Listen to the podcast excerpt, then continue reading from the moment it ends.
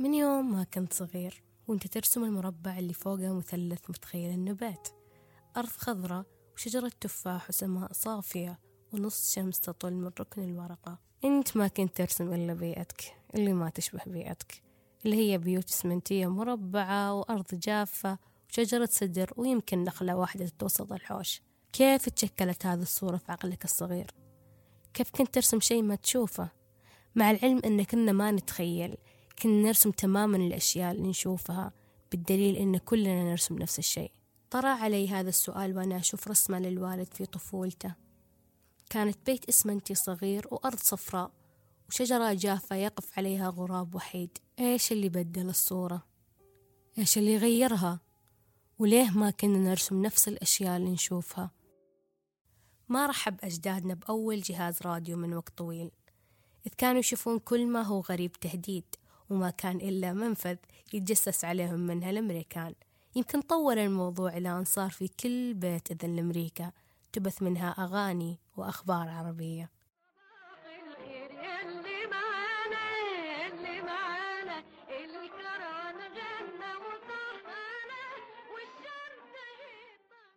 الاستعمار الفكري هو ما بذره الاستعمار بشكله الوحشي.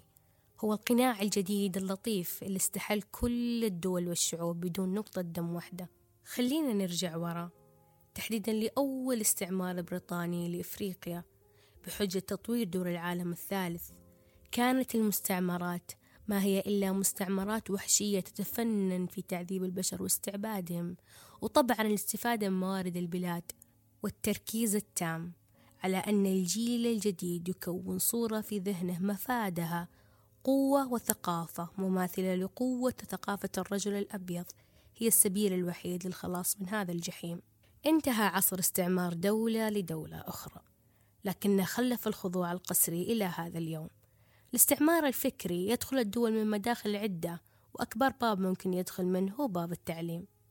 فصار سهل جدا تحدد إيش الدولة اللي عندها تعليم ممتاز من غيرها لأنها ببساطة تخضع لمعايير جودة معينة. أهمها أن يكون النظام باللغة الإنجليزية عشان يدعم الدول بشكل اقتصادي لاستقبال الطلاب من كافة أنحاء العالم. يمكن تتذكر كيف كان دفتر الرياضيات أولى ثانوي يعاني من كتابة كل هجينة للأرقام ولخبطتك في كتابة صاد بدل واي على شبكة التربيع. تنعاد المعاناة في أول اختبار قدرات لما تنسى السين إيش يقابلها أصلا X ولا Y ومعاناة الأرقام العربية في الورقة تحوس لأنك ما تعودت عليها بالطريقة. تحوس لأنك ما درستها. تحوس باختصار لأنك نسيتها لأنها ما تدخل تحت معايير جودة تعليمك يا عزيز الطالب.